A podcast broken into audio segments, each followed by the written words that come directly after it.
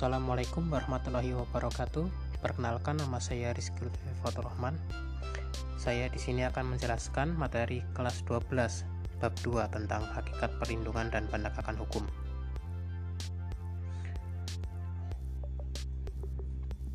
Yang pertama, kita akan membahas tentang konsep perlindungan dan penegakan hukum.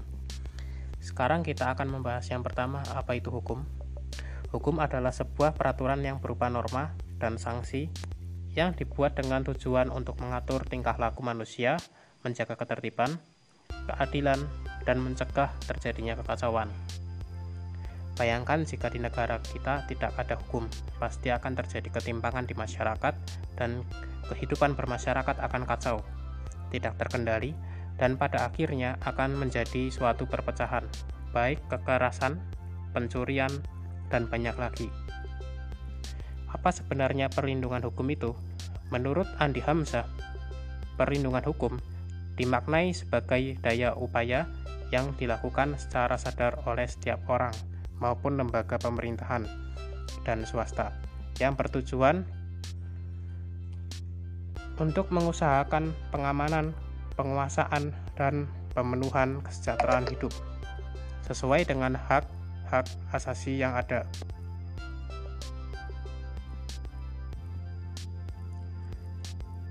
Makna tersebut tidak terlepas dari fungsi hukum itu sendiri, yaitu untuk melindungi kepentingan manusia.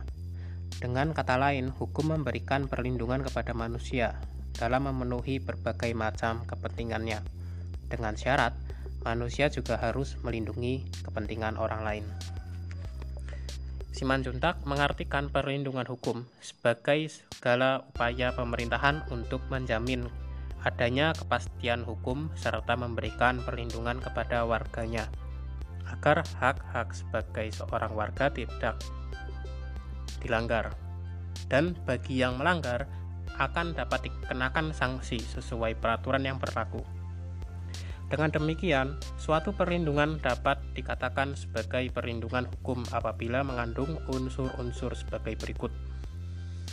Yang pertama, adanya perlindungan dari pemerintah kepada warganya. Yang kedua, menjamin kepastian hukum. Yang ketiga, berkaitan dengan hak-hak warga negara. Yang keempat, adanya sanksi hukuman bagi pihak yang melanggarnya. Pada hakikatnya, setiap orang berhak mendapatkan perlindungan dari hukum.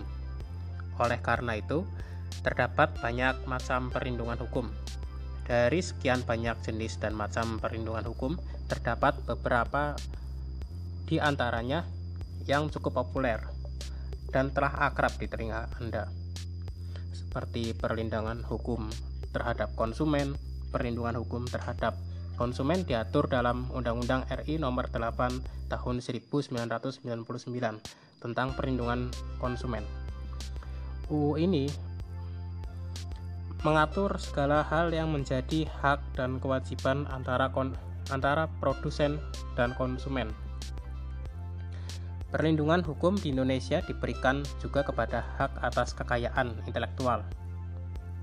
Pengaturan mengenai hak atas kekayaan intelektual meliputi hak cipta dan hak atas kekayaan industri. Pengaturan mengenai hak atas kekayaan intelektual tersebut telah dituangkan dalam sejumlah peraturan perundang-undangan seperti Undang-Undang Nomor 28 Tahun 2014 tentang hak cipta, Undang-Undang Nomor 15 Tahun 2001 tentang merek. Lalu ada Undang-Undang Nomor 13 Tahun 2016 tentang paten dan Undang-Undang Nomor 29 Tahun 2000 tentang perlindungan varietas tanaman dan lain sebagainya. Perlindungan hukum diberikan juga kepada tersangka sebagai pihak yang diduga telah melakukan pelanggaran hukum. Perlindungan hukum terhadap tersangka diberikan berkaitan dengan hak-hak tersangka yang harus dipenuhi agar sesuai dengan prosedur pemeriksaan sebagaimana yang diatur dalam peraturan perundang-undangan. Hukum dapat secara efektif menjalankan fungsinya untuk melindungi kepentingan manusia apabila ditegakkan Dengan kata lain, perlindungan hukum dapat terwujud apabila proses penegakan hukum dilaksanakan. Proses penegakan hukum merupakan salah satu upaya untuk menjadikan hukum sebagai pedoman dalam setiap perilaku masyarakat maupun aparat atau lembaga penegak hukum. Dengan kata lain, penegakan hukum merupakan upaya untuk melaksanakan ketentuan-ketentuan hukum dalam berbagai macam bidang kehidupan. Penegakan hukum merupakan syarat terwujudnya perlindungan hukum. Kepentingan setiap orang akan terlindungi apabila hukum yang mengatur dilaksanakan baik oleh masyarakat ataupun aparat penegak hukum. Yang kedua, kita akan membahas tentang pentingnya perlindungan dan penegakan hukum. Apa yang Anda rasakan apabila ketika ulangan ada yang menyontek tetapi tidak ditegur oleh guru? Atau apa yang Anda rasakan apabila orang tua tidak menegur anaknya yang melakukan kesalahan apalagi kesalahan yang fatal? Apala, apabila hal yang dipertanyakan tadi terjadi, tentu saja sebagai warga negara yang baik Anda akan merasakan ketidaknyamanan, ketidakadilan, bahkan ketertiban pun tidak akan didapatkan. Nah, itu semua dapat dihindari apabila perlindungan dan penegakan hukum dilaksanakan. Sebagai negara hukum, Indonesia wajib melaksanakan proses perlindungan dan penegakan hukum. Negara wajib melindungi warga negaranya dari berbagai macam ketidakadilan, ketidaknyamanan, dan penyimpangan hukum yang lainnya. Selain itu, negara mempunyai kekuasaan untuk memaksa seluruh warga negaranya untuk melaksanakan semua ketentuan-ketentuan yang berlaku. Perlindungan hukum dan penegakan hukum sangat penting dilaksanakan atau dilakukan karena dapat mewujudkan hal-hal berikut. Yang pertama, yang A, tegaknya supremasi hukum. Supremasi hukum bermakna bahwa hukum mempunyai kekuasaan mutlak dalam mengatur pergaulan manusia dalam berbagai macam kehidupan. Dengan kata lain, semua tindakan warga negaranya maupun pemerintahan selalu berlandaskan pada hukum yang berlaku.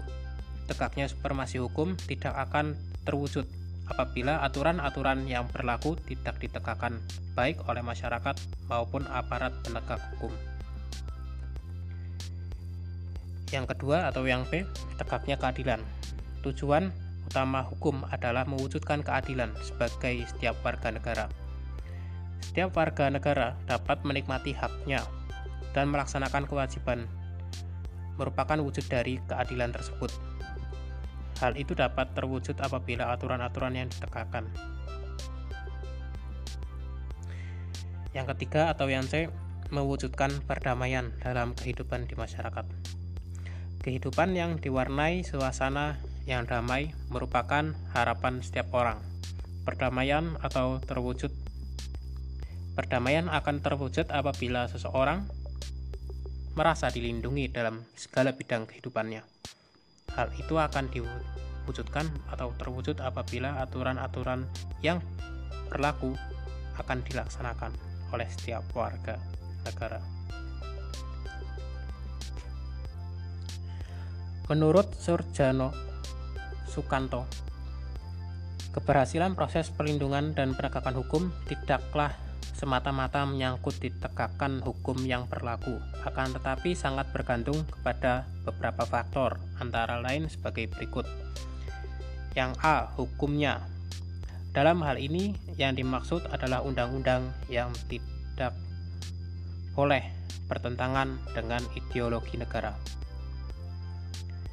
Selain itu, penyusunan undang-undang dibuat haruslah menurut ketentuan yang mengatur kewenangan pembuatan undang-undang sebagaimana yang diatur dalam konstitusi negara.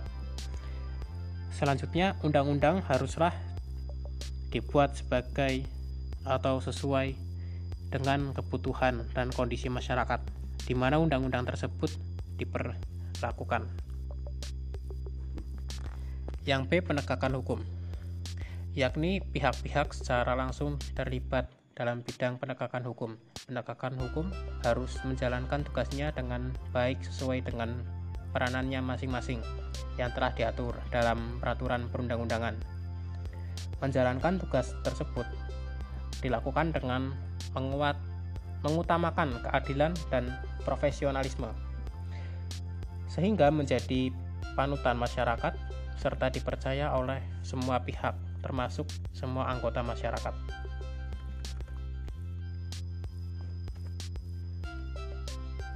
Lalu yang C masyarakat yakni masyarakat lingkungan di mana hukum tersebut berlaku atau diterapkan.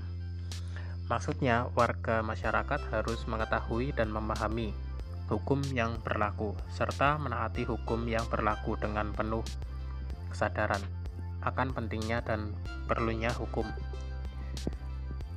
bagi kehidupan bermasyarakat. Yang D, sarana atau fasilitas yang mendukung penegakan hukum. Sarana atau fasilitas tersebut mencakup tenaga manusia yang terdidik, terampil, organisasi yang baik, peralatan yang memadai, keuangan yang cukup, dan sebagainya. Ketersediaan sarana dan fasilitas yang memadai merupakan suatu keharusan bagi keberhasilan penegakan hukum. Yang E, kebudayaan, yakni sebagai hasil karya cipta dan rasa yang didasarkan pada karsa manusia di dalam pergaulan hidup.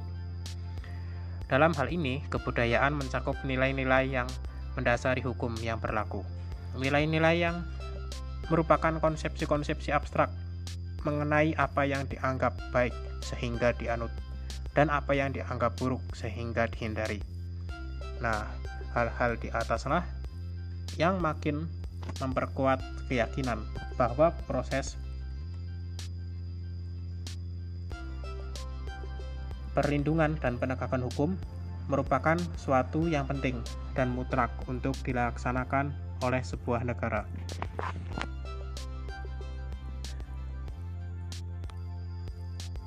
Mungkin dari saya cukup sekian.